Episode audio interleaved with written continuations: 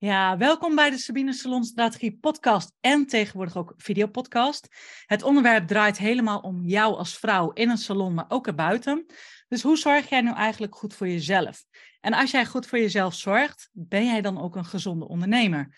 En als jij een gezond salonbedrijf bouwt, kan jij dan ook goed voor jezelf zorgen?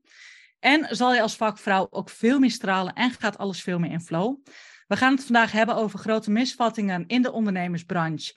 Uh, als moeder, maar ook in de beautybranche. Want er zitten nogal wat misvattingen en ook wat valkuilen. En wat wij, John en ik, anders zouden zien, of waarvan we denken, oeh, dat is totaal niet handig. En welke kansen jullie of wat jij potentieel laat liggen. Want daar komt gelijk de eerste tip. Praat niet altijd in jullie, maar praat eigenlijk altijd in je. Dus welkom bij een open en eerlijk gesprek met John van Lifestyle of Business. En ik ben heel erg benieuwd. Wie ben je? Vertel. Ja, goede vraag. Hey, allereerst superleuk om hier te zijn. Dankjewel voor de uitnodiging. Ja, ik ben de John, John Slabbekorn, mede-eigenaar en hoofdcoach van Lifestyle of Business. Haalt het wel even aan. Wat wij doen, wij is mijn Jeanette, of mijn, mijn Jeanette, ja ook mijn Jeanette trouwens, mijn businesspartner en liefdespartner Jeanette Wolf. Wij hebben samen het bedrijf Lifestyle of Business en wij helpen ondernemers die nu nog vooral vakman of vakvrouw zijn, om leider te worden van hun bedrijf. Zodat ze meer misbaar worden en een 8,5 score op ieder vlak van hun leven. Eigenlijk met andere woorden, om ze elke dag een relaxe dag te laten ervaren. Oké, top. En dit kan er echt flawless, of in flow kwam dit eruit zetten. Dit gaat zo snel en ik weet dat je dit wat vaker zegt. Maar neem me eens even een stukje mee terug. Wat bedoel je met 8,5 op elk vlak? En hoe bedoel je vlammen en hoe bedoel je van vakvrouw naar? Vertel eens. Ja, dan gaan we eens even afbreken. Um, een vakman of een vakvrouw, zoals ik dat zie, dat is iemand die heel veel zelf doet, die goed is in zijn werk, die vaak ook is begonnen met zijn business of haar business vanuit of hobby, of omdat ze het beter dachten te kunnen dan hun baas. Dat is vaak een beetje de standaard. En dan komen ze er gaandeweg achter dat het vak uitoefenen, of het nou bijvoorbeeld kapper zijn is, of nagelsalon, of pedicure, of whatever, nee, dat vinden ze superleuk. Daar zijn ze ook heel erg goed in. Maar daaromheen, dat blijkt dan in één keer ondernemer te zijn. Dus dan moet je in één keer je administratie bijhouden. Je moet je eigen marketing doen. Je moet je sales gaan doen. Je moet je nog eens een keer schoonmaken. Dus dan komt er een keer heel veel bij kijken. Ja. En dan waren ze eigenlijk even een beetje vergeten, omdat ze dat nooit hebben hoeven te doen. Dus dat bedoel ik met enerzijds een vakman of een vakvrouw, dus die in het bedrijf bijna alles of alles zelf doet, die dat uiteindelijk niet meer wil. En ik zal straks gaandeweg het verhaal wel vertellen um, dat je dit op meerdere manieren kan benaderen. Want een vakman voor Jeanette of in aangeval is wel wat anders dan dat het voor mij is. Alleen wij helpen dus om die ondernemer meer leiderschap te nemen. Oké. Zodat ze uiteindelijk, en dat is ook voor iedereen anders, meer misbaar kunnen worden in een bedrijf. En meer misbaar, dat kan je ook vrij vertalen. Dat hoeft niet letterlijk dat je niks meer doet en dat iemand de toko runt. Het kan ook zo zijn dat je eens een paar dagen niet in je salon in jouw geval hoeft te komen, eh, terwijl het wel gewoon doordraait. Dus dat is een beetje uiteengezet wat dat betekent. Dat is interessant. Hey, en wat doe jij dan nu concreet? Wij uh, laten mensen, ondernemers, zien wat ze nu zelf niet zien, om dat daadwerkelijk kunnen bereiken. Praktisch doen we dat met onze ondernemersopleiding, jou wel bekend, MBA op Slippers. Dat is meer de praktische kant, de hoe-kant, hoe ze dat dan vervolgens moeten doen. Ja. En daarnaast vanzelfsprekend de coachingskant. Om, je kan heel veel tips en adviezen op iemand plakken. Doe ja. dit en doe dat. Maar de meeste mensen krijgen het dan nog steeds niet geïmplementeerd. Daar komt coaching kijken. Uh, eigenlijk heel simpel gezegd, wij hebben een gesprek met iemand en vanuit dat gesprek gaan we alle bullshit boven tafel krijgen, zodat ze daarna wel gaan doen wat ze eigenlijk tot dat punt nooit hadden gedaan. Interessant. En ik ken jullie natuurlijk al ietsjes langer en je hebt het net over wat ze eigenlijk vergeten zijn. Ik pak even een stukje terug waar je het net over had. Want uh, het is heel vaak zo dat je begint uit hobby, vervolgens begint het ietsjes groter te groeien. Maar ze zijn het vaak niet vergeten. Het komt eigenlijk op ze afzetten. Dat mhm. ze denken, oh, moet dit eigenlijk ook dan nog allemaal gaan gebeuren?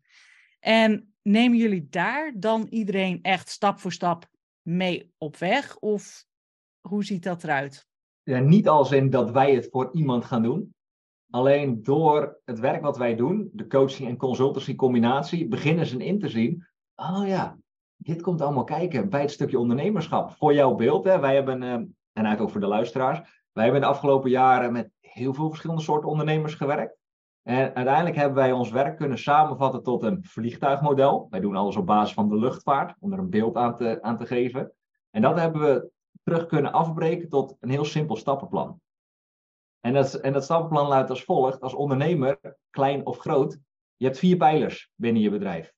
Ja. En als je dat begint in te zien, ik ga zo vertellen wat die pijlers zijn uiteraard, maar als je dat begint in te zien, van, oh, hey, eigenlijk is, is het dan nog vrij simpel. Dan maakt niet dat het een keer heel erg makkelijk is of zo, maar dan in één keer kan je er een soort van handen en voeten aan geven. Elke ondernemer, klein of groot, heeft een strategie nodig. Ja. Dan breekt het vaak al. Elke ondernemer. is dat niet direct? Want dat is wel leuk. Want jij noemt eigenlijk best wel veel al wat termen waarvan ik nu al weet dat sommigen denken: strategie, oké, laat maar, uitgecheckt. Heb ik al geen zin in. Marketing, veel te moeilijk, hoef ik niet. En ik vind dat wel heel interessant. Weet je, dat je dan. Je, je, je brengt het zo zo. Ik ken je natuurlijk al wat langer. Dus hmm. ik rem je een heel klein beetje af daarin, zodat in elk geval degenen die dit nu luisteren ook in elk geval een stukje meekrijgen.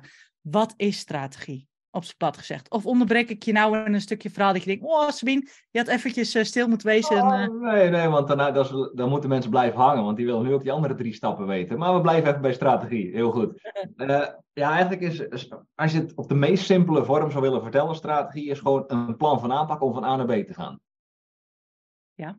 Nou, dat is hem. exact dat. Dus je wil weten, oké, hey, waar wil je Bijvoorbeeld eind van het jaar. Waar sta ik nu?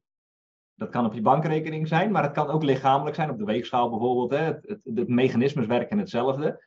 En daar zit iets tussen. En dat wat daartussen zit, daar wil je een plan van aanpak van maken.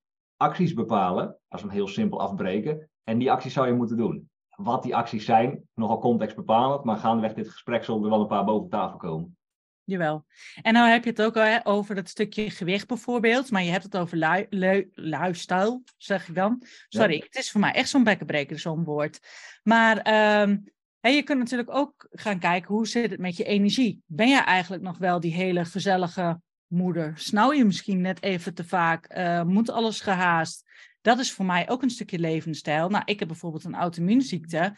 Hoe hou ik die onder controle en zorg ik dat die niet ontvlamt, waardoor ik eruit lig of uit de running.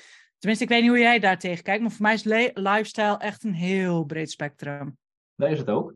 Want in onze totale plaatje, zeg maar het vliegtuigmodel waar ik net over sprak, dat mhm. is een vliegtuig en achter dat vliegtuig hangt een wolk, hè, voor de mensen die nu in beeld meedenken. ja. Die wolk is onderverdeeld in vier tegenstrijdigheden, dat is de kern van ons werk. Daarnaast, misschien dat ik straks nog vertel wat ze zijn, maar het gaat even om het totaalplaatje. Daarnaast hebben wij linksboven in dat plaatje hebben wij een koffer. En daar staat de stropdas. Ons logo bestaat uit een stropdas en een slipper. Dat is ook niet voor niks, die wereld gecombineerd. En die koffer staat voor van vakman doorgroeien naar leider in je bedrijf. Om meer misbaar te worden. Maar dat is maar één kant van het spectrum. Dat is zeg maar de businesskant van lifestyle of business. Rechts onderin op datzelfde model staat een radar. Alles in de luchtvaart. Hè? Eh, dat is de radar die je ook in een vliegtuig ziet. En op die radar die hebben wij onderverdeeld in vier elementen. En die vier elementen, je zou kunnen zeggen dat is de slipper van ons logo, die 8,5 op ieder vlak, waar we het net al even kort over hadden. Want wat is dat dan precies? Dat is ook het domein energie, of gezondheid, energie, het is hoe je het wil noemen. Vermogen, dus niet alleen omzet, maar juist totaalvermogen voor een financieel vrije toekomst. Ja. Happiness, um, ja, wij hebben hem welzijn genoemd in het Nederlands, maar je zou kunnen vertalen naar happiness, dus een geluksgevoel. En relaties. Relaties met jezelf, met je partner, met je kinderen, met, met je vrienden dat gecombineerd, eigenlijk het hele model gecombineerd, dat maakt onze propositie. Dus die, ook die, die 8,5 op ieder vlak. Oh, dus even terug, John hoor. Je gooit een vakterm in waarvan ik nu al weet. Propositie, dat mensen denken, uh, googlen. Vertel eens. wat is propositie? Ja. ja, wat propositie is, dat is de basis van de basis als het gaat om business. Heel simpel gezegd, als ik uh, een van je luisteraars of kijkers nu tegen zou komen, dan zou ik een vraag kunnen stellen hey Janine, vertel eens, wat doe je eigenlijk precies voor wie? En het antwoord daarop, is meest simpel uitleg, tenminste het ligt aan het antwoord, maar het antwoord daarop, dat is de propositie. Dus uh, ja, wat jij doet met je business voor wie. Precies, en daarom zeg ik de basis van de basis. Acht van de tien ondernemers die ik spreek, die kunnen dit niet goed vertellen. En dan weet ik al gelijk, en dat is wel een beetje hard om te zeggen, maar je weet hoe ik ben, ik communiceer wel vaak vrij direct. Dan weet je gelijk al, die business kan waarschijnlijk een heel stuk beter. Want als ze dit al niet goed onder woorden kunnen brengen, laat staan dat ze dat voor hun potentiële klanten kunnen. Nou, en wat zeggen ze dan meestal? Als de luisteraars nu opletten en die denken, oh, oh dat zeg ik eigenlijk ook best vaak. Wat is het dan? dat is vaak een uh, heel tranentrekkend lang verhaal. Gaat vaak ook over zichzelf, over de, de achtergrondinformatie en eigenlijk alles wat er niet echt toe doet. Ja. Een beetje simpel gezegd. Kijk, helemaal goed. En over een tranentrekkend verhaal. Want jij vloog net heel snel over het stukje wie ben je. Ja. En je ging heel snel door naar de vliegtuigen toe. Ja. En je ging door naar de slipper. Wat ja. heeft dat ineens met, met, of nee, niet ineens. Wat heeft dat eigenlijk met jou, met jullie te maken? Kun je daar een klein stukje nog over vertellen? Ja, in de basis heeft het niet zo heel veel met ons te maken, maar ik snap wel je vraag. Wij uh, van 2016 tot en met 2020 waren wij acht maanden per jaar op reis in het buitenland, op allemaal tropische oorden. Terwijl we onze business lieten groeien, wel echt serieus lieten groeien. Dat deden we altijd op onze slippers. Alleen we hadden hele grote zakelijke doelen. Dus zodoende, we liepen niet letterlijk in een stropdas, want het was veel te warm voor. Maar eh, van daaruit, oké, we combineren die zakelijke wereld met die slipperwereld. Een stropdas en een slipper. En dat, laten we, dat noemen we lifestyle of business. Want hiervoor heette het kickassleven.nl. Dus toen waren we wat serieuzer geworden. Dus zodoende, uh, het zou zonder ons ook kunnen bestaan.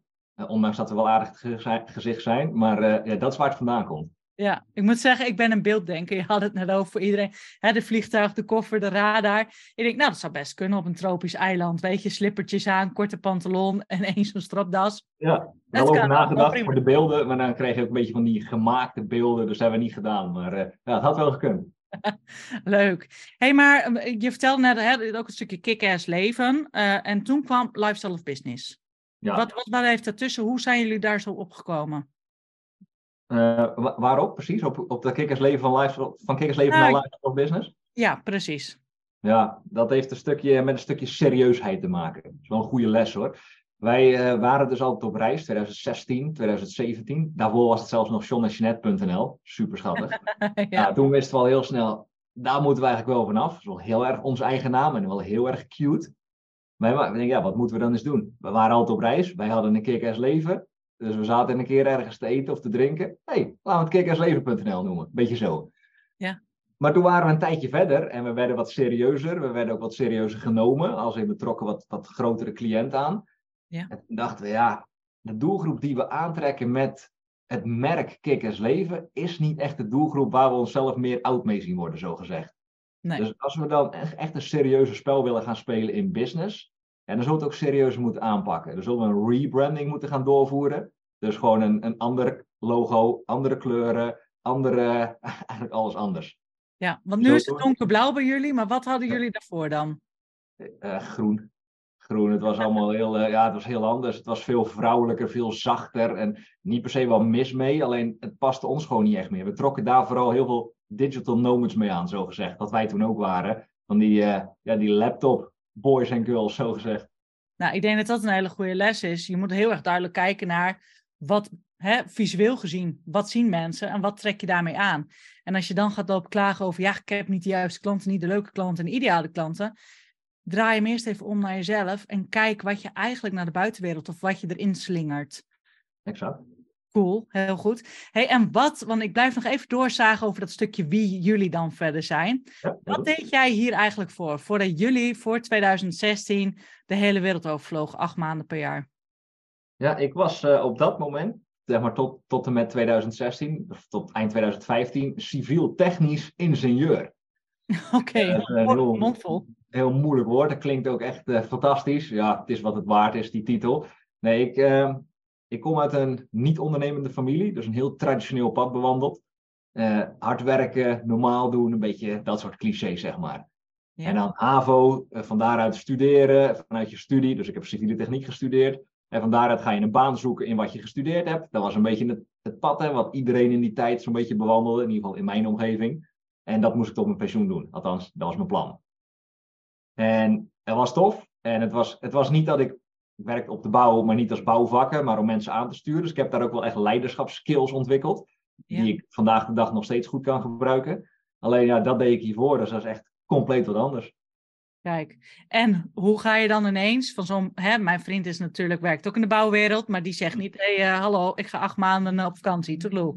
Uh, hoe kom je daar ineens bij? Het was ook geen acht maanden vakantie, uh, maar, maar ja... Nee, nou ja, dat was, bewijzen van. Dat was, dat was Jeanette haar schuld, zou ik kunnen zeggen. Ja. Want ik kom thuis op een zekere maandag van hem weer een hele dag van half zes tot half zes van huis geweest te zijn. Dat waren mijn dagen toen. En weet je, John, ga zitten. Ik denk, oké, nu komt het. Ga zitten, ik heb iets wat ik met je moet bespreken. Toen dacht ik, ja, weet ik veel, zwanger of ziek of zo. Weet je, ja, wat, wat kan je verwachten? Want we hadden het er nog nooit over gehad verder.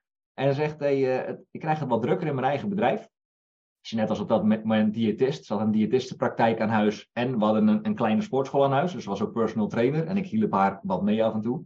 Uh, het is goed als je stopt met je baan als civiel technisch ingenieur, zodat je bij mij in het bedrijf komt. Moest ik even eh, processen op dat moment. Ik had een gesprek met mezelf of tien. En in diezelfde adem zegt ze: hey, Kijk, ik heb hier een, uh, een kaart, een wereldkaart, die liet ze zien. En ik heb het allemaal uitgestippeld, want dan kunnen we ook dat, zeg maar, gaan wereldreizen. Dus dan, kunnen we, dan kom je bij mij in het bedrijf, dan maken we dat online. Dat was toen nog compleet offline. En dan gaan we de wereld over reizen. En dat was in dezelfde vijf minuten ongeveer.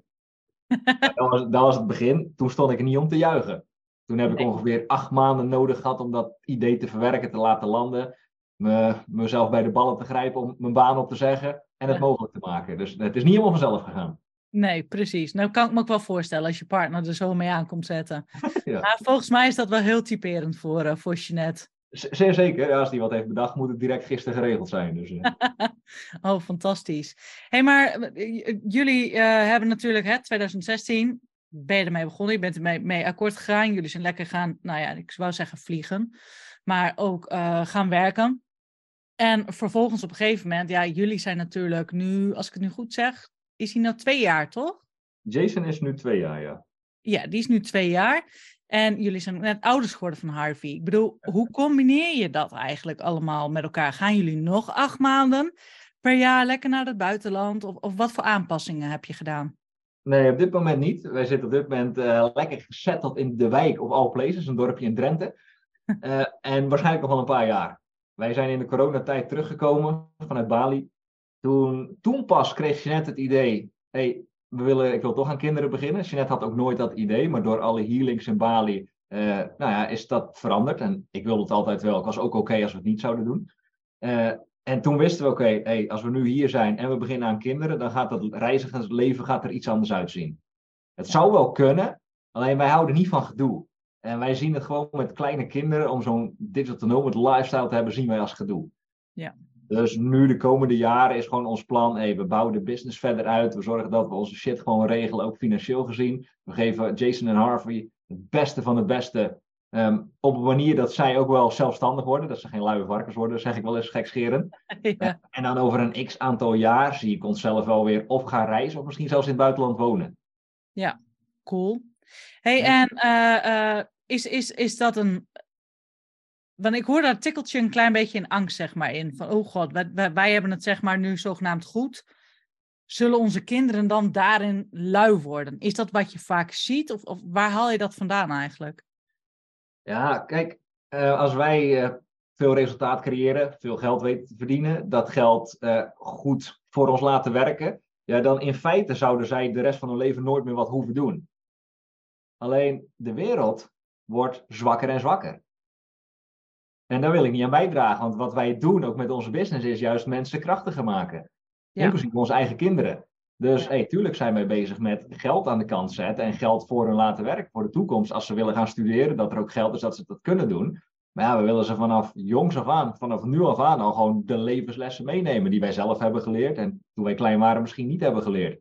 Voor jouw beeld, Jason die gaat al vanaf dat hij vijf weken oud is met mij mee naar de sportschool. Niet altijd, maar ja, hij kon natuurlijk niks toen hij vijf was vijf weken was. Maar toevallig gisteren weer met hem getraind. Hij is nu twee jaar en één maand. En dan uh, neem ik dan helemaal mee. Ik zeg, eerst ik ga even push-ups doen. En dan zegt hij ook heel schattig push-ups. Gaat hij naast me liggen. En dan gaat hij ook zijn manier push-ups doen. Ja, en zo maken we hem, en straks Harvey ook al weerbaar. En, en ook als ze straks een keer wat willen gaan kopen, dan is het niet, hé, hey, hier heb je centen. Nee, dan gaan we ze ondernemerslessen bijbrengen, hoe ze zelf aan geld kunnen komen. Een beetje zo. Uh, wij zien dat inderdaad ook wel bij de kinderen. Dat is heel makkelijk. En uh, ik denk niet dat jullie dat mee gaan maken. Maar mijn kinderen zeiden op een gegeven moment bij de bonuskinderen ook wel. Hoezo geen geld? Je doet toch gewoon even uh, zo met een pasje. Van, uh, er staat er gewoon ongelimiteerd geld op. Ik bedoel, waar heb je het nou eigenlijk over? Ja. En ik vergeet ook nooit meer, weet je, dat, en dat doen alle kinderen. Die zitten allemaal, ah, mag ik dat hebben? Mag ik dat hebben als je ergens bent? Oh, mag ik een kindersurprise ei hebben? Ja, dat vinden ze nou eenmaal lekker. Maar op een gegeven moment, ik dacht wel, ik irriteer me de dood aan. Ik kan geen winkel meer inkomen. Of die kinderen lopen a te zeuren. Als ze hun zin niet krijgen, dan is het mogelijk blaren. Krijgen we dat weer? Ik denk, hoe ondervang je dit nou? Nou, dan heb, wij nemen ze ook een beetje mee in, goh, zo'n eitje, weet je. Ik weet niet wat het precies kost hoor, maar die kost 2,5 euro. Nou, als je twee kinderen hebt, is 5 euro. Maar als je naar de supermarkt gaat, dan uh, kun je volgens mij drie van die eieren volgens mij voor 3 euro kopen of zo. Dus dan heb je veel meer. Ja. En dan zie je echt, oh ja, oh ja, oh ja, ja, je kan ook wel wat slimmer met je geld. Dus zo nemen wij ze ook al een beetje mee in dingen.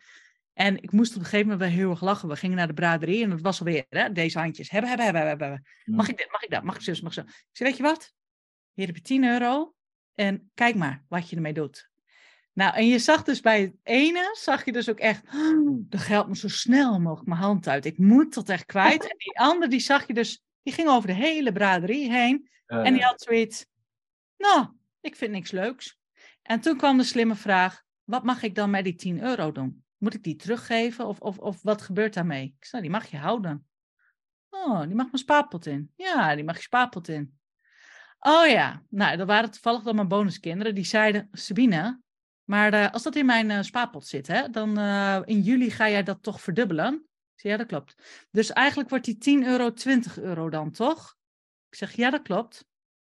Oh, cool. Nou, dat was, dat was helemaal goed. Prima. Ah, en de ander die stond beteuterd te kijken. Die had 9,95 uitgegeven. Die keek naar zo'n eigenlijk zo'n stukje plastic, zo'n trekker. Oh, die keek echt van... Kan ik het nog ruilen? Nou ja, ik zeg, probeer maar. Ik zeg, wie weet. Ja, en die kwam een beetje van een koude kermis thuis zetten. Die dacht, uh-oh. Maar goed, ja. even zijsprongetje. Zo nemen wij de kinderen zeg maar mee, ook in een stukje, stukje geld. Nou, levenslessen. Dat is het mooiste wat er is. Ik denk dat dat de basis is. Weet je wat jullie ook doen? Dat je ze meeneemt naar de sportschool. Neem ze gewoon mee in een stukje. Hoe, hoe gaat de wereld? Hoe draait de wereld? Het is niet ongelimiteerd. Uh, pinpasje erdoor halen en uh, klaar is Kees. En ik denk dat dat ook wel met het stukje ondernemerschap. Er zijn heel veel zo gewend om altijd hun zin te krijgen, altijd te, alles voor elkaar te krijgen. En wanneer het moeilijk uh, wordt, dan.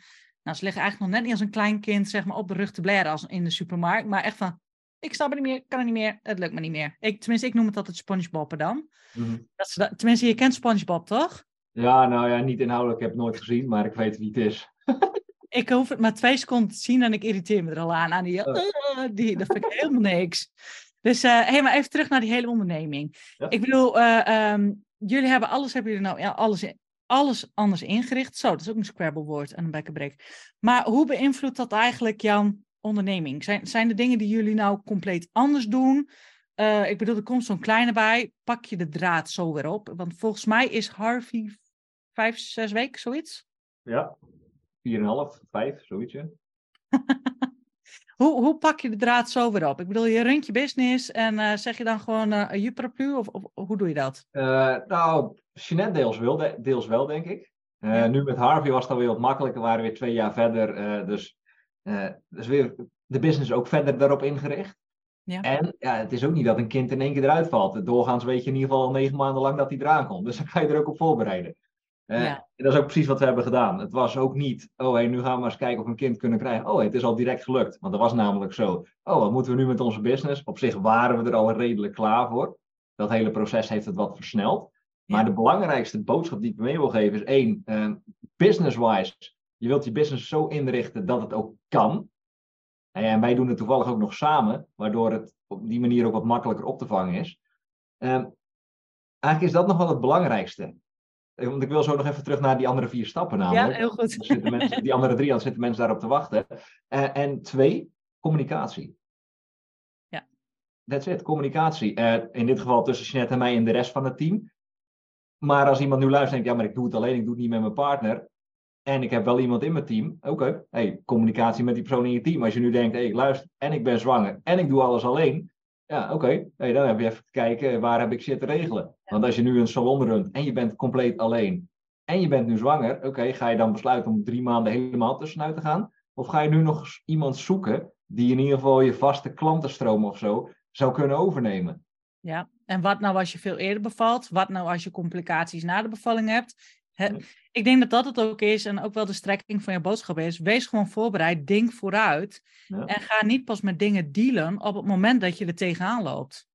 Nee, 100%. Want nu, uh, dat is wel een mooie brug terug naar die drie overige stappen. We hadden net strategie natuurlijk als eerste, want iedere ondernemer heeft een strategie nodig. Dus heel simpel van A naar B en alles wat daartussen zit.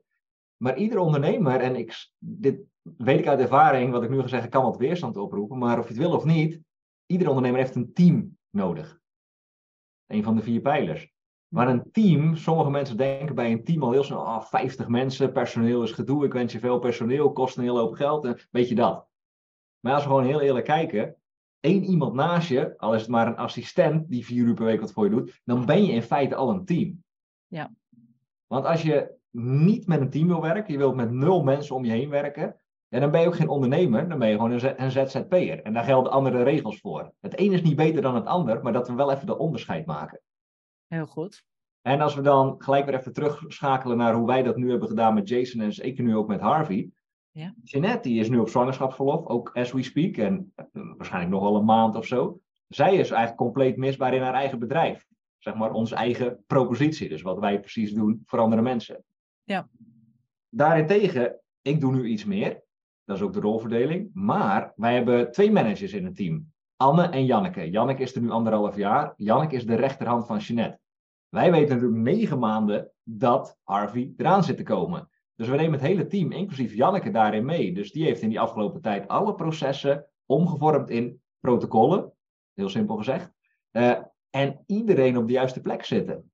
Ja. Ze weten inmiddels heel goed hoe Jeanette wil dat er gecommuniceerd wordt. Nou, Janneke doet dat op haar eigen manier. Ja dat maakt dat, dat Jeanette nu, eh, en dan mag jij zo, maar dat maakt dat Jeanette nu super, super relaxed uh, in haar zwangerschapsverlof zit. En dat er meer resultaat is dan ooit. En ik snap ook, als iemand dit nu luistert en nog niet zo lang bezig is, ah, dat is makkelijk praten. Ja, natuurlijk, wij hebben er ook zeven jaar tot dit punt al over gedaan. Het is ook niet in een vingerknip geregeld. Alleen de basisprincipes, strategie en team, ik zal zo die andere twee vertellen, die gelden in principe voor ieder bedrijf. Ja, hey, en even, even je gooit er twee vaktermen in. Processen en protocollen. Kun je daar een lichtelijk voorbeeld geven voor degene die nu denkt? Want ik kan me best voorstellen dat de meesten met protocollen denken: Nou, moet ik dan regels opstellen of zo? Of hm. wat is dat eigenlijk precies? Nou, eh, daar komt het eigenlijk wel op neer, maar we moeten het niet zwaarder maken dan het is. Want dan denken mensen: Oh, een protocol, dat is 24 A4'tjes volgeschreven of zo. Nee, nee, nee. En elke business bestaat uit meerdere processen. Dus stel, laten we in de, in de salonvoorbeeld blijven. Dus je bent een, een kapster en je hebt een kapsalon. Ja. En je begint op een bepaald moment op de dag met het openen van de winkel en het knippen van mensen. Als je alleen bent, is het allemaal niet zo spannend. Want dan zit alles wel in je hoofd. Je weet, hey, dan komt die persoon, dan komt die persoon. Maar als er iemand bij komt, het afspraken maken. En vervolgens zorgen dat die afspraken nagekomen worden, is eigenlijk al een proces. Ja. En dat, en dit is een hele simpel, een hele kleine, zou je eigenlijk al willen vastleggen in een soort draaiboekje. Dat noemen we een protocol. En dat kan een half A4'tje zijn hè, met het stappenplannetje van A tot B. Ja. Dus dat is heel simpel. Ja, simpel kan ik niet uitleggen, maar ik denk dat mensen dit wel begrijpen. Jawel, jawel. Dit is gewoon heel duidelijk. Want ik wil natuurlijk dat iedereen ook blijft kijken. En niet afhaakt op, oh, dat wordt me te lastig hoor. Te veel vaktermen wat ik hier nu hoor. Hm. Want ik weet namelijk uit eigen ervaring. Ik bedoel, ik ben in 2018 ook ineens begonnen met het draaien van de salon van een leuke hobby Hè, wel hard werken, dus het was eigenlijk geen hobby. Maar nou, hoe creëer ik een stukje meer vrijheid? Dus ik weet hoe het, als je het voor het eerst hoort of voor de tweede, derde keer, dat je denkt, uh, processen, strategie, protocol, uh, dat je een beetje een 404 error in je hoofd kan krijgen. Dus vandaar dat ik heel af en toe je even terug uh, pak erin. Nee, maar vertel, ga helemaal je gang. We hebben het weer duidelijk. Ja, het, is, het is jouw feestje uiteindelijk. Uh, en we moeten van waarde zijn voor de mensen die dit luisteren. Dus we hebben een strategie en we hebben een team. Dat zijn twee van de vier pijlers. Mm Dan de derde pijler is zichtbaarheid. Je zal ten alle tijden zichtbaar moeten zijn. Zoals ik dat in mijn. Ik ben een boek aan het schrijven op dit moment. En je zal zichtbaar moeten zijn om niet van de radar te vallen. Zo noem ik dat hoofdstuk. Als je een vliegtuig, en dan ga ik het zo praktisch maken. Maar een vliegtuig moet zichtbaar zijn voor andere vliegtuigen. Want anders kan er een botsing komen. Als jij als ondernemer niet zichtbaar bent, kan je geen nieuwe klanten aantrekken. Maar als je als ondernemer niet zichtbaar bent, kan je ook geen nieuw personeel aantrekken dat, dat eerste deel snappen mensen vaak, maar zichtbaar zijn richting nieuw personeel, zo denken mensen vaak al niet. Nee. En, dan, en dan komen al die bezwaren bij mensen. Ik heb toevallig net dat hoofdstuk afgeschreven over zichtbaarheid, dus ik zit er kniediep in. Ja, maar dat is eigenlijk niks voor mij. Ik ben niet zo voor de camera. Mijn stem is niet om aan te horen. Eh, ik heb nu drie keer wat gepost en er komen geen klanten, dus het werkt niet. Weet je, Ja. dan krijg je al dat soort dingen. En wie Zichtbaar- ben ik nu om wat te vertellen? Exact dat. Zichtbaarheid is super breed. Dat, daar zullen we drie podcasts op zichzelf voor kunnen opnemen. Dat gaan we niet doen, wees niet bang. Maar eh, dat is absoluut een hele belangrijke. Want zolang je niet zichtbaar bent, ja, dan is er geen kans om te groeien met je bedrijf. En dan hebben we de vierde pijler, en dat is geld. Iedere ondernemer, of je nou wel of geen goede relatie met geld hebt, maar ja, een business draait op geld. Ja. En dan hebben we het over geld in het hier en nu, dus gewoon geld verdienen, sales doen, geld behouden, want dan zijn er ondernemers die kunnen geld verdienen, krijgen ze niet vastgehouden. En dan hebben we het ook over geld voor de toekomst. Want uiteindelijk ben je met je business waarschijnlijk in het hier en nu bezig om een financieel vrije toekomst te creëren. Dat je ooit een keer met pensioen kan. Dat is een beetje Als het het- idee. Als het goed is, is dat wel de bedoeling inderdaad. Ja. Alhoewel, ik moet zeggen dat de meesten in mijn tak van sport roepen... Nee, ik doe het helemaal vanuit passie. Hm. En dan denk ik, ja, hoe wil je je passie dan financieren? En dan is het vaak, dan zijn ze stil. Ja, ja, ja. Dat is, dat is altijd een hele mooie. Ja. Dat, eh, als mensen dat zeggen, eh, daar zit vaak ook heel veel achter. Eh, En dan, dan komt echt coaching kijken, om mensen iets anders te gaan laten kijken naar de situatie en naar de wereld. Maar misschien is dat even off-topic voor, voor deze podcast. Ja, nou, dat geeft ook helemaal niet. Want ik eh, merk nu al wel, en dat heeft de rest ook wel door. Waarschijnlijk zal je ooit wel een, eh, een deel 2 ooit een keer van komen. Dat we Ik denk het wel. op ingaan. hey, en eh, want jij moet straks ook natuurlijk, de kinderen moet je op, of nee, jullie zoon moet je nog straks ophalen. Maar ehm, zijn er ook obstakels geweest op jullie ondernemerspad waarvan je denkt, oeh, die had ik niet aanzien komen. En hoe hebben jullie dat opgelost? Ehm, ja, die heb ik niet aanzien komen op zich niet. Want ja, wij, ik zeg wel eens, soms denken mensen, hé, hey, John en Jeanette, bij jullie lijkt alles altijd te lukken, lijkt alles in goud te veranderen. Zeg, dan zeg ik altijd, ja, misschien is dat wel zo, maar kan je één ding vertellen. eh, ik denk dat tien of acht van de tien dingen die wij proberen niet lukken. Alleen we blijven altijd in beweging. We proberen gewoon heel erg veel. Ja. En als je maar gewoon veel in beweging blijft en je probeert een hoop dingen, wel met de juiste begeleiding, dat is wel de belangrijkste tip, misschien wel inzicht van deze hele aflevering. Wij zijn als direct, vanaf dag één dat ik uit loondienst kwam bij Jeanette in het bedrijf, direct gaan investeren in goede mensen om ons heen. In goede begeleiding. We willen niet alleen maar eh, nou, coaching, coaching, serieuze performance en business coaching, trainingen, opleidingen als het gaat om marketing. Om allemaal zo snel mogelijk van de, echt de beste in het vak te leren zodat wij geen onnodig tijd verspillen. Daar komt het op neer. Ja. Maar ja, waarom zou je iets proberen uit te vinden wat al lang en breed bedacht is? Helemaal mee eens. Dat is misschien ook wel eh, hetgene waarom wij nooit echt iets hebben meegemaakt wat we dan niet zagen aankomen. Omdat we dan ook vaak mensen hebben niet die ons handje vasthouden, maar die hebben vaak het pad al bewandeld. Dus die kunnen Ja. ons vaak al dingen teruggeven. Denk, oh, als je dit doet, denk dan eens even daaraan. Of ze laten ons wel op ons bek gaan, maar niet zo erg. Soms is het ook goed om op je bek te gaan. Eh, en, en bijvoorbeeld in sales, hè, dat je dan, eh, weet ik veel, vanuit enthousiasme mensen gaat opbellen, maar nog niet echt competent bent. Dus niet echt vaardig genoeg. En dan, dan mensen, nee, nee, nee, nee, ik heb geen interesse om met je te werken. krijg je tien nee's op een rij. Ja, dan word je wel eh, hard van. Als in, dat is niet echt leuk, maar daar leer je wel een hoop van. Ja, precies. En dat is het ook. Weet je, je moet ook dingen moet je inderdaad doen.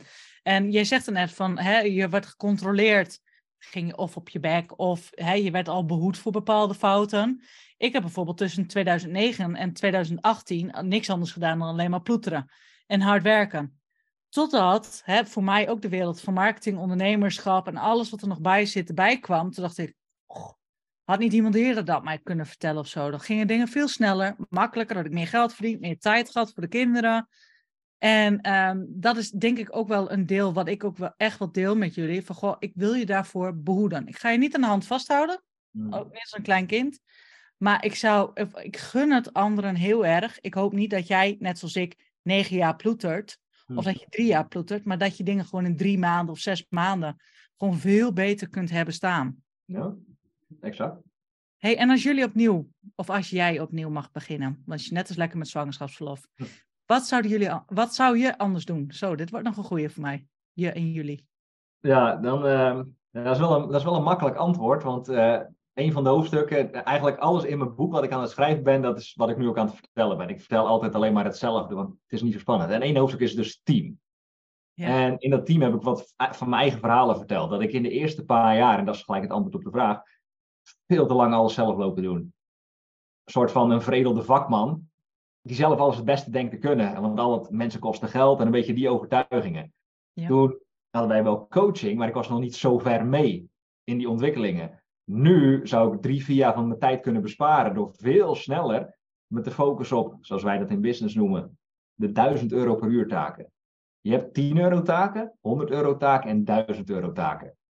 Toen deed ik heel veel 10 euro taken. Je zou kunnen zeggen gewoon, uh, bij wijze van spreken het kantoor schoonmaken. Of uh, standaard inplannen van Facebook berichten in die tijd of zo. 10 euro, 50 euro, maar mensen snappen het punt denk ik. Ik deed veel te veel van die taken en daarmee veel te weinig 1000 euro taken. En in mijn geval, in onze business, is gewoon coaching, één op één met mensen spreken, groepen leiden, misschien andere coaches opleiden, die weer coaches kunnen helpen, of mensen kunnen helpen. Dat zijn eigenlijk 1000 euro taken. Maar ik was zoveel bezig met vakmantaken, want die vond ik comfortabel. Dat is het vaak, hè? die waren comfortabel voor me. Waardoor ik misschien wel een paar jaar heb verspeeld. Dus ja, heel, een heel lang verhaal, heel kort. Ja, ik zou, die, ik zou veel sneller de juiste mensen op de juiste plek zetten en van daaruit veel sneller kunnen groeien. Nou, en dat klinkt natuurlijk heel mooi en ook heel makkelijk gezegd. Ik bedoel, ik werk zelf ook wel met een team, dus ik snap jou wel. Maar ik kan me best wel voorstellen dat de meeste salons nu denken: ja, uh, A, ik ben alleen. Uh, B, John, je zegt ineens: ik moet met een team gaan werken. En vervolgens heb je het over 10 euro, 100 taken, 1000 euro taak. Uh, waar heb je het eigenlijk nu allemaal over? Zou je dat gewoon kort en praktisch even kunnen toelichten? Waar zou je aan kunnen denken? Ja, dat is een hele makkelijke. Dat is de rollenoefening. En ik denk, jouw publiek, ik ken je publiek niet, maar ik weet zeker dat ze dit fantastisch gaan vinden, want dit geeft namelijk heel veel inzicht, de rollenoefening. Je pakt pen en papier en je trekt van boven naar beneden vier strepen. Daarmee heb je vier, of drie strepen, daarmee heb je vier kolommen. Die linker kolom ga je alle taken en rollen die jij nu kan bedenken in je bedrijf, ga je opschrijven. Echt alles, alles. Dus als je een salon hebt, dan is schoonmaken van de wc's ook een taak. Echt tot op dat niveau. Ja. Vervolgens, dat creëert inzicht. Vervolgens in kolom 2, dat noemen we punt A. En daar ga je de naam achter schrijven wie nu die taak doet. En dat is ook fantastisch, want uh, zeker de wat kleinere bedrijven die alles alleen doen of misschien net één iemand in het team hebben, die gaan heel vaak, misschien wel 100% hun eigen naam zien. Dat creëert bewustwording. Daarom doen we deze oefening. Dan hebben we de derde kolom, we noemen dat punt B.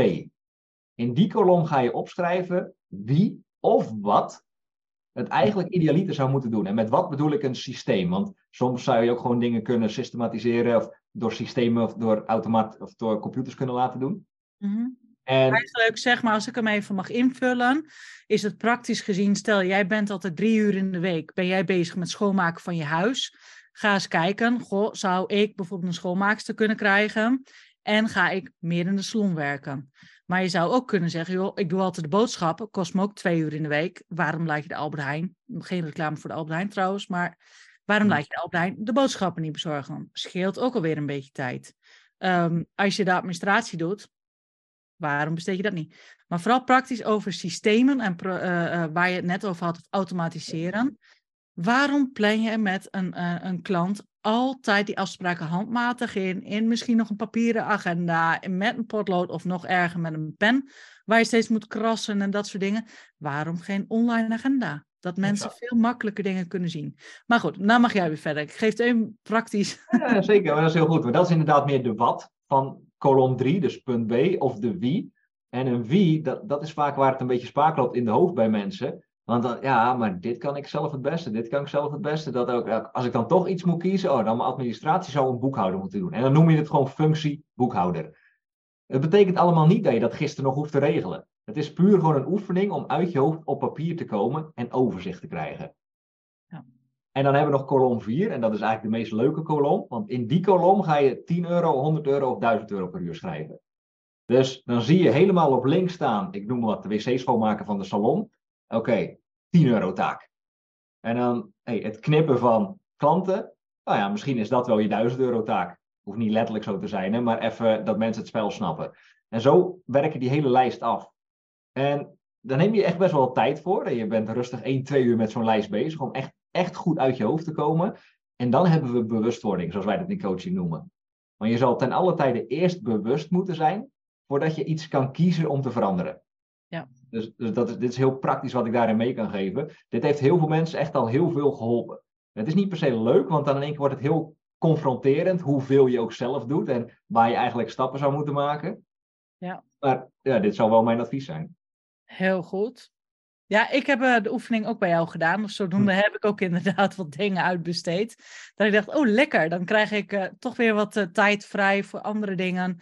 Of om veel meer te kijken, goh, hoe kan ik nog ergens geld gaan verdienen, eigenlijk op z'n plat gezegd.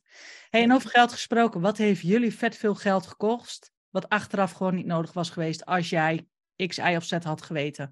Of als je kijkt van, goh, ik heb het toen wel gedaan, maar waar ik nu sta en op terugkijk, hmm. Um, twee dingen die we nu te binnen schieten. Eén, dat gaat al terug naar 2017. Wij waren toen op zoek naar een mastermind. We hadden wel al één op één coaching, maar toen dachten we, ons omringen met gelijkgestemde ondernemers in de vorm van een groep, dat lijkt ons ook wel tof. En toen kwamen we in contact, ik zal de naam niet noemen, maar toen kwamen we in contact met een partij, die bood dat aan. Wij waren op zoek, dus het klonk wel heel erg goed. Ik denk, nou, dan doen we dat. En dat 8000 piek volgens mij of zo in die tijd, euro's. En oké, we doen we dat. Maar daar is totaal niet van geworden wat ons eigenlijk verkocht was. Dat is één. Um, twee is, is veel recenter. Dat is PR. Public Relations. Dat is een andere manier van zichtbaarheid. Dus meer richting pers, radio, tv. Uh, ander soort van zichtbaarheid. We hebben dat online marketingspel doen we al zo lang. We denken, hey, wij hoorden via, oké, PR, je moet een keer PR gaan doen. Nou, nou, dat is onderzoeken, misschien is dat interessant. En dat kost behoorlijk wat geld. Als in uh, eh, 15.000 euro in het totaal. Zeg maar drie maanden van 5.000 euro per maand. Ja. Ja, en, en bij nader inzien, als ik dat opnieuw zou ik absoluut niet doen. Dat, is totaal, dat heeft totaal niet gerendeerd. Het is er niet uitgekomen. En nu denk ik, ja, dat is echt zonde. Dan had ik toch beter wat anders kunnen doen. Ja. En wat is daar, nou ik zal niet zeggen fout gegaan. Had jij jezelf andere, heb je je mee laten voeren in iets? Of heb je gewoon niet goed nagedacht? Of zeg je nu van nou achteraf gezien had ik misschien toch beter dit en dit soort vragen kunnen stellen? Nou, het is, uh, het, is in de basis wel ook communicatie. De verwachting die ons geschept, een beetje de verwachting die ons voorgespiegeld werd vooraf, wat het allemaal zou kunnen opleveren en uh, hoeveel publicaties we dan per week of per maand zouden krijgen. Ja, het was gewoon een goed verhaal. En het klonk ook gewoon goed. En ik denk, ja, als we dit, of het wat zou gaan renderen, dat wisten we natuurlijk niet. Dat weet je nooit van tevoren. Maar ja, met hoe het verhaal ons werd gepresenteerd, denk ik, ja, laten we dat gewoon een keer doen.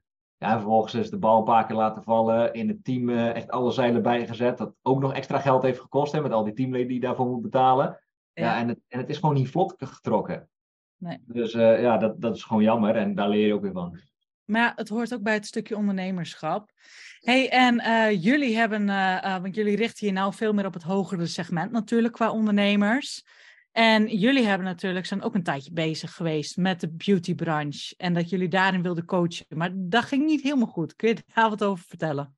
Zeker. Eén ehm, ding, want anders zitten mensen in hun hoofd. Het hogere segment. Dat we dat wel even helder maken. Want wat bedoel jij met het hogere segment? Dat we wel dezelfde taal spreken. Hogere segment. Nou, laten we het dan over de ondernemers hebben die in elk geval, uh, hoe noem je dat tegenwoordig? Zes figure, uh, een miljoen? Uh, nou, dat is seven figures overigens, maar uh, seven figures, dat, dat, is een ton. Um, ja, context is bepalend. Wij hebben, zoals jij weet, MBA of Slippers, onze ondernemersopleiding. En, en daar zitten ook wel, ook wel salons in. Kleinere ondernemers, zoals ik dat noem. Die wel wat gaande hebben, niet alleen een idee. Dus ze hebben wel echt een business, maar soms draaien ze nog maar 20.000 euro of zo. Eén op één zou je kunnen zeggen, ja, de, eigenlijk iedereen waar ik één op één mee werk, die doet een ton of meerdere tonnen en vaak zelfs miljoenen. Dus ja. dat, dat onderscheid duidelijk is. Um, wat was je vraag ook alweer? Nou, de vraag was... Oh, de beautybranche. ja. ja. Ja, ja, ja. dat was wel leuk. 2019. Toen kwamen wij, uh, dat was eigenlijk bij toeval, hadden wij een paar één-op-één cliënten in die tijd. Eentje die deed uh, pedicure, de andere deed iets met nagels. En we hadden nog iemand met kapper of zo. Ik weet niet meer exact. En dat was blijkbaar toeval, dat kwam dan allemaal samen. Toen dacht ik, hé, hey, dat is interessant, want dat zijn allemaal een beetje mensen in die branche misschien zit daar wel iets. Dus wij een challenge in die tijd gedaan. Dus wij ons wat meer gratis challenge en van daaruit wat betaald. Dus, ah, hey, dan lijkt toch wel te zitten. Er zit in ieder geval volume. Als in, er zijn veel mensen die daarmee bezig zijn. Ja. Dus hadden wij gezegd, oké, een kwartaal lang gaan we ons in ieder geval in onze uitingen, in onze zichtbaarheid, alleen maar richten op die branche. Achter de schermen kwamen via via ook wel mensen bij ons, maar in onze uitingen was het vooral die branche. Gewoon eens kijken wat dat doet. Gewoon testen, zoals wij heel veel testen. Dan denk ik, ja, als we nu meerdere één op één cliënten hebben die in die branche opereren, die allemaal ook goed coachbaar zijn, dan dachten wij, dat was nogal een foute gedachte bij nader inzien, dan is iedereen waarschijnlijk zo. Dus wij ons daar volle bak op richten. Veel mensen naar binnen getrokken via gratis weggevers. Uh, maar toen kwamen we er ook achter, ja, dat is toch vaak een beetje het publiek. Die denken, hey, uh, gratis tips en adviezen krijgen. Uh, een soort van de droom die dan voorgespiegeld wordt, wat er allemaal mogelijk is. Oh, dat zou ik ook wel willen. Totdat we echt in de diepte met die mensen gingen spreken. Niet goed of fout. Ja. Maar toen was het, ja, maar dat wil ik eigenlijk helemaal niet. Ik heb geen geld. Uh, zulke grote ambities heb ik ook weer niet. Ik hou niet van gedoe. Personeel wil ik eigenlijk ook niet aan beginnen. Een beetje gechargeerd gezegd, hè? Mm -hmm. En toen, richting het eind van het kwartaal, moesten we de balans gaan opmaken. Als we hiermee doorgaan, dan hebben we straks geen business meer. Want uh, ja, daar is gewoon, je kan niet echt geld verdienen aan mensen die geen geld hebben. Nee. Daar kwamen we toen achter. Nee, maar dat is ook op zijn plaats zo. Dan kunnen ze het ook gewoon niet uitgeven. Dus mag ik dan stiekem concluderen, misschien ben ik te snel met een con conclusie of met een aanname, dat eigenlijk per toeval stuitte je op een groep, werd je eigenlijk een beetje ermee gevoerd. Ik dacht, wow, ja, het zou wel wat kunnen wezen. Maar dat eigenlijk nooit jullie ideale doelgroep of ideale klant is geweest. Nee, dat inderdaad. In één keer bleek dus dat die paar mensen de uitzondering was in plaats van de regel. En ja, ja daar moet je dan achter komen door het te ervaren. Ja, precies. En, dat is oké. En ik zie het ook gewoon als feedback. Het is ook niet gefaald of zo. Als een, ja, je probeert iets en het werkt niet.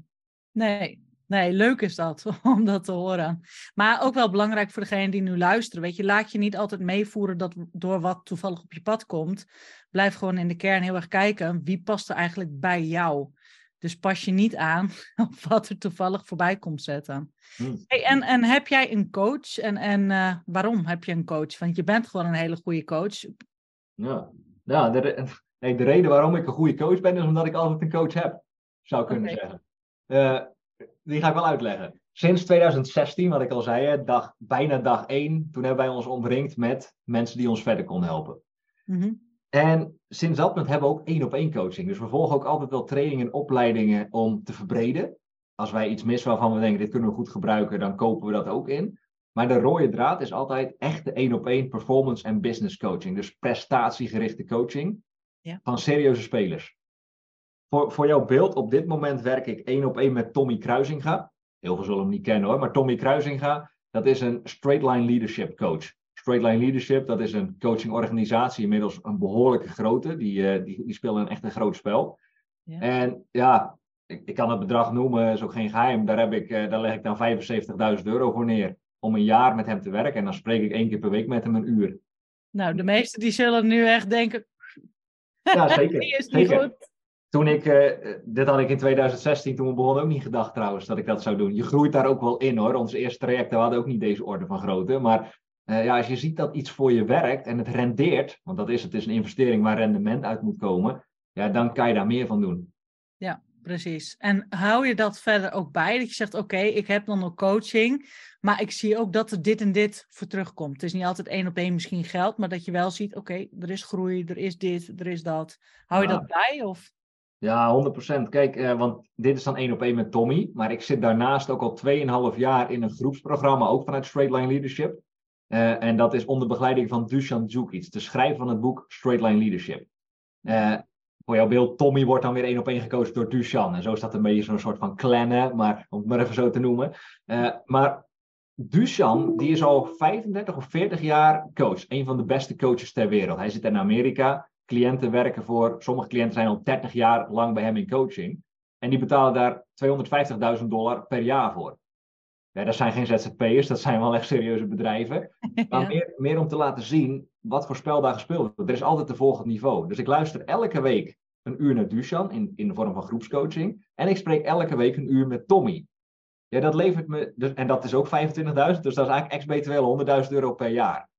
Tuurlijk wil ik dat dat in geld terugkomt en ik zorg ook dat het in geld terugkomt.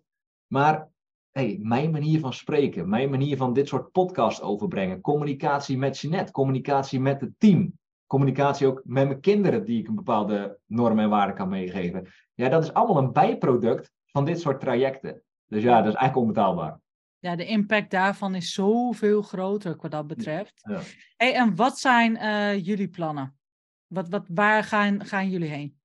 Want ik, uh, ik weet namelijk dat je iets uh, hebt staan, volgens mij voor volgende week, toch? Uh, ja, ja, als je doelt op onze gratis challenge, dat uh, komt Ja. de volgende week aan. Ja. Ja, ja zeer, zeer zeker. Kijk, wij hebben gewoon het, wat we al jaren doen, willen we steeds beter en steeds groter maken, om steeds meer mensen te helpen. Dus ja, toevallig komt er volgende week een challenge aan, de Meer Misbaar in je bed- bedrijf challenge. Ligt ook weer volle- volledig in lijn met het boek wat ik aan het schrijven ben. 27 oktober van dit jaar 2023 lanceer ik mijn eerste boek. Heel En dat boek dat heet Relaxed Vlammen, dat is de hoofdtitel. En de ondertitel is hoe je van vakman doorgroeit naar leider in je bedrijf zonder altijd aan te hoeven staan. Ja. Dat is namelijk een beetje het probleem van de meeste mensen, die, die staan altijd maar aan. Ik heb het ook gedaan hoor, dat ik in het weekend ook constant aanstond. Ja. En, en dat ligt weer in lijn met wat ik dan in deze podcast vertelde, met al die pijlers die ik daar uiteenzet. Dat is meer de kort, korte termijn. Mhm. En ehm, de wat langere termijn, ja, ik denk, ik ben nu 34 op het moment van opnemen. Ik heb mijzelf gecommitteerd om dit nog minstens totdat ik 40 ben te doen, met deze intensiteit en deze energie. Dan word ik en nog beter als coach. Kan ik eh shitload aan impact maken. En we het gewoon ook heel plat zeggen, ook shitload aan geld verdienen voor mezelf. En daarmee voor mijn gezin. En dat geld laten we voor ons werken. En vanaf onze 40 als de kids dus iets meer een leeftijd hebben dat ze ook wat meer begrijpen, dan zie ik onszelf wel in Spanje of zo eh, een, een of ander land goed kopen. Dat is een beetje de visie die we hebben. En daar zelfvoorzienend gaan wonen. En eh, Ja. misschien dat we dit werk ook nog doen en misschien ook wel niet. Maar Ja. dat is een beetje het idee. Ik moet wel lachen, mijn vader woont in Zuid-Spanje, wij willen daar wat kopen. Oh, oh cool. Nou, hartstikke leuk. hey, en, en eh, waar kunnen de luisteraars, waar kunnen ze jou, jullie vinden? Ja, dat kan op zeer veel plekken. Maar eh, op Instagram zijn we veel actief. Dat is at lifestyleofbusiness.nl. Mhm. De website is lsob.nl. Dat is Ja. de afkorting van Lifestyle of Business, lsob.nl. En ja, dan wijst alles wel vanzelf. Dus als iemand tot hier het heeft aan kunnen horen, hey, dankjewel voor het luisteren. Dan zou ik zeggen, hey, ga naar lsob.nl en direct de allereerste button bovenaan, dat is een gratis ondernemerstest. Dus als je hebt geluisterd en je denkt, hey, dit klinkt toch wel interessant. Als je die test doet, in twee minuutjes weet je precies op die pijlers die ik net ook heb genoemd, hoe je ervoor staat. En dan krijg je van ons een rapport met gelijk de stappen, allemaal nog steeds gratis, die jij kan zetten. Dus allemaal video's, podcast, artikel- artikelen waar je direct ook mee aan de slag kan gaan. Dus dat zou ik absoluut aanraden. En doen jullie de slipperdag ook nog? Dit jaar niet, omdat ik eh, te veel focuspunten heb, met onder andere mijn boek. Maar waarschijnlijk komt dat wel weer terug. Maar ja, je moet ook nee zeggen, af en toe. Ja, klopt. Nou, ik moet wel zeggen voor de luisteraars en de kijkers, als het ooit weer naar voren komt, hou die website echt in de gaten, want die is echt mega waardevol. Ja, Zo'n dat- slipperdag. dat is Dus, ook wel, eh, ik vind dat wel leuk. Ja, jij bent natuurlijk geweest. Dat is zeer leuk om te doen. En eh, om, om ook te verbinden en te connecten met mensen. En dan eerste kennismaking, ja, is vaak echt wel Ja. aanraden. Nou ja, en jullie doen natuurlijk ook een ijsbad. En iedereen die kan ook wel zien dat ik geen maatje 34 heb. Dus het was wel ook wel een beetje zeer uit mijn comfortzone om eh, A, in een bikini te gaan staan. En B, nog eens even lekker in een ijsbad eh, te gaan zitten. Maar volgens mij doorstond ik hem wel aardig goed eh qua dat betreft. Zeker, want eh, ik kan je vertellen, niet iedereen die durft die discomfort aan te gaan. En sommigen zeggen nee, ik ga het niet doen. En jij hebt het wel gedaan, dus heel goed. Ja. hey, en als allerlaatste, welke tip heb jij voor de luisteraars? Wat wil je ze nog meegeven? Mm, goh, lees mijn boek, maar die is er pas in oktober. Nee, ja, in het hier en nu. Ik zou zeggen, maak het allemaal niet te ingewikkeld. Ondernemen wordt vaak zo ingewikkeld en zo complex gemaakt in de basis. En dat is onze quote die ook op het kantoor staat. In de basis is alles simpel. Jij bent degene die het ingewikkeld maakt. En zodra je daarmee stopt, krijg je een leven en een business zoals je het wil. Helemaal mee eens. En ik denk dat dat wel een mooie afsluiter is. Dat is niet per se een concrete tip of zo, maar dingen wat minder complex maken. Zodat je wat minder in je hoofd zit, zoals die roloefening, die haalt je uit je hoofd. Om van daaruit gewoon weer de volgende stap te zetten. kom eigenlijk op zijn plat gezegd, kom gewoon in beweging. En Ja. op het moment dat je ergens tegenaan loopt, ja, dan vind je vanzelf alweer een oplossing, een alternatief. Of je vraagt hulp aan John of aan mij. Hè? Gelijk eigenlijk promotie qua betreft hier zo. Nee, maar even eh, alle gekheid op een stokje, weet je. Kom gewoon in beweging en kom vooral uit je hoofd. Want je kunt op een gegeven moment alles stuk denken, overdenken. Eh, Dan kom je er niet uit. Je weet helemaal niet wat er over drie maanden op je pad komt of over twaalf maanden. Wij gaan hem afsluiten, want ik weet in elk geval eh, dat jij denk ik zo meteen als de bieden weer gaat iemand moet eh, gaan zitten ophalen. Dus ik zou zeggen tegen iedereen bedankt voor het luisteren naar deze open en eerlijk gesprek met John Slapkorn. De business coach voor ondernemers die een 8,5 op elk vlak van, oh nou zeg ik het vast weer verkeerd, een 8,5 op elk vlak van je leven willen scoren. Ja, en je business. John. Ja, ja, zeker. Heel goed. Oké, goed. Nou, dus van Lifestyle of Business. En uh, je hebt natuurlijk ook naar mij geluisterd, Sabine Mus, creator van Top Salon Academy. En ik run zelf ook al meer dan 13 jaar een salon. Dus dat betekent ook dat ik ook alle valkuilen, uh, winstgevende formules, ik ken denk ik alles wel. Dus als jij denkt dat ik uh, nog dingen niet ken, dan zou ik zeggen, kom maar op, stuur mij een DM en dan zie ik het vanzelf wel. Hey, en wil jij nu weten hoe jij aan meer klanten komt, 30% meer omzet kan krijgen of meer rust in je salon? meld je dan zeker even aan bij mijn gratis masterclass. Die ik deze maand geef. Die vind je op www.topsalonacademy.nl schuine streep masterclass met een dubbele S. En in de masterclass heb ik ook een test. Of je dus eigenlijk nou meer een ondernemer bent, een vakvrouw bent, of een hobbyist bent die als de sotomieter moet stoppen met haar salon. Dus het is zeker leuk om daar achter te komen. Ik zou zeggen, Sean, ontzettend bedankt. En ik zal in de show notes ook even neerzetten. Show notes voor degenen die dat niet weten. Als je op de podcastaflevering zelf drukt, krijg je dus een omschrijving te zien. En bij YouTube onder de video staat ook een omschrijving. Uh, maar ik zal even uh, laten weten hoe je ons kan volgen, hoe je Sean kan volgen, uh, waar je ze vindt op social media en op Google eventueel. En ik spreek hier nou ook even voor Sean, maar wij zouden het ontzettend leuk vinden als je even onder de YouTube-video laat weten wat je hiervan hebt meegenomen, wat je veranderd hebt, wat is je grootste inzicht, Um, heb je de oefening gedaan? De 10 en 100 en de 1000 euro. Wat kwam eruit? Wat heb je uitbesteed? Wij vinden het heel leuk om dat echt even van je terug te horen. Dus uh, ik zou zeggen bedankt voor het kijken en uh, tot de volgende aflevering.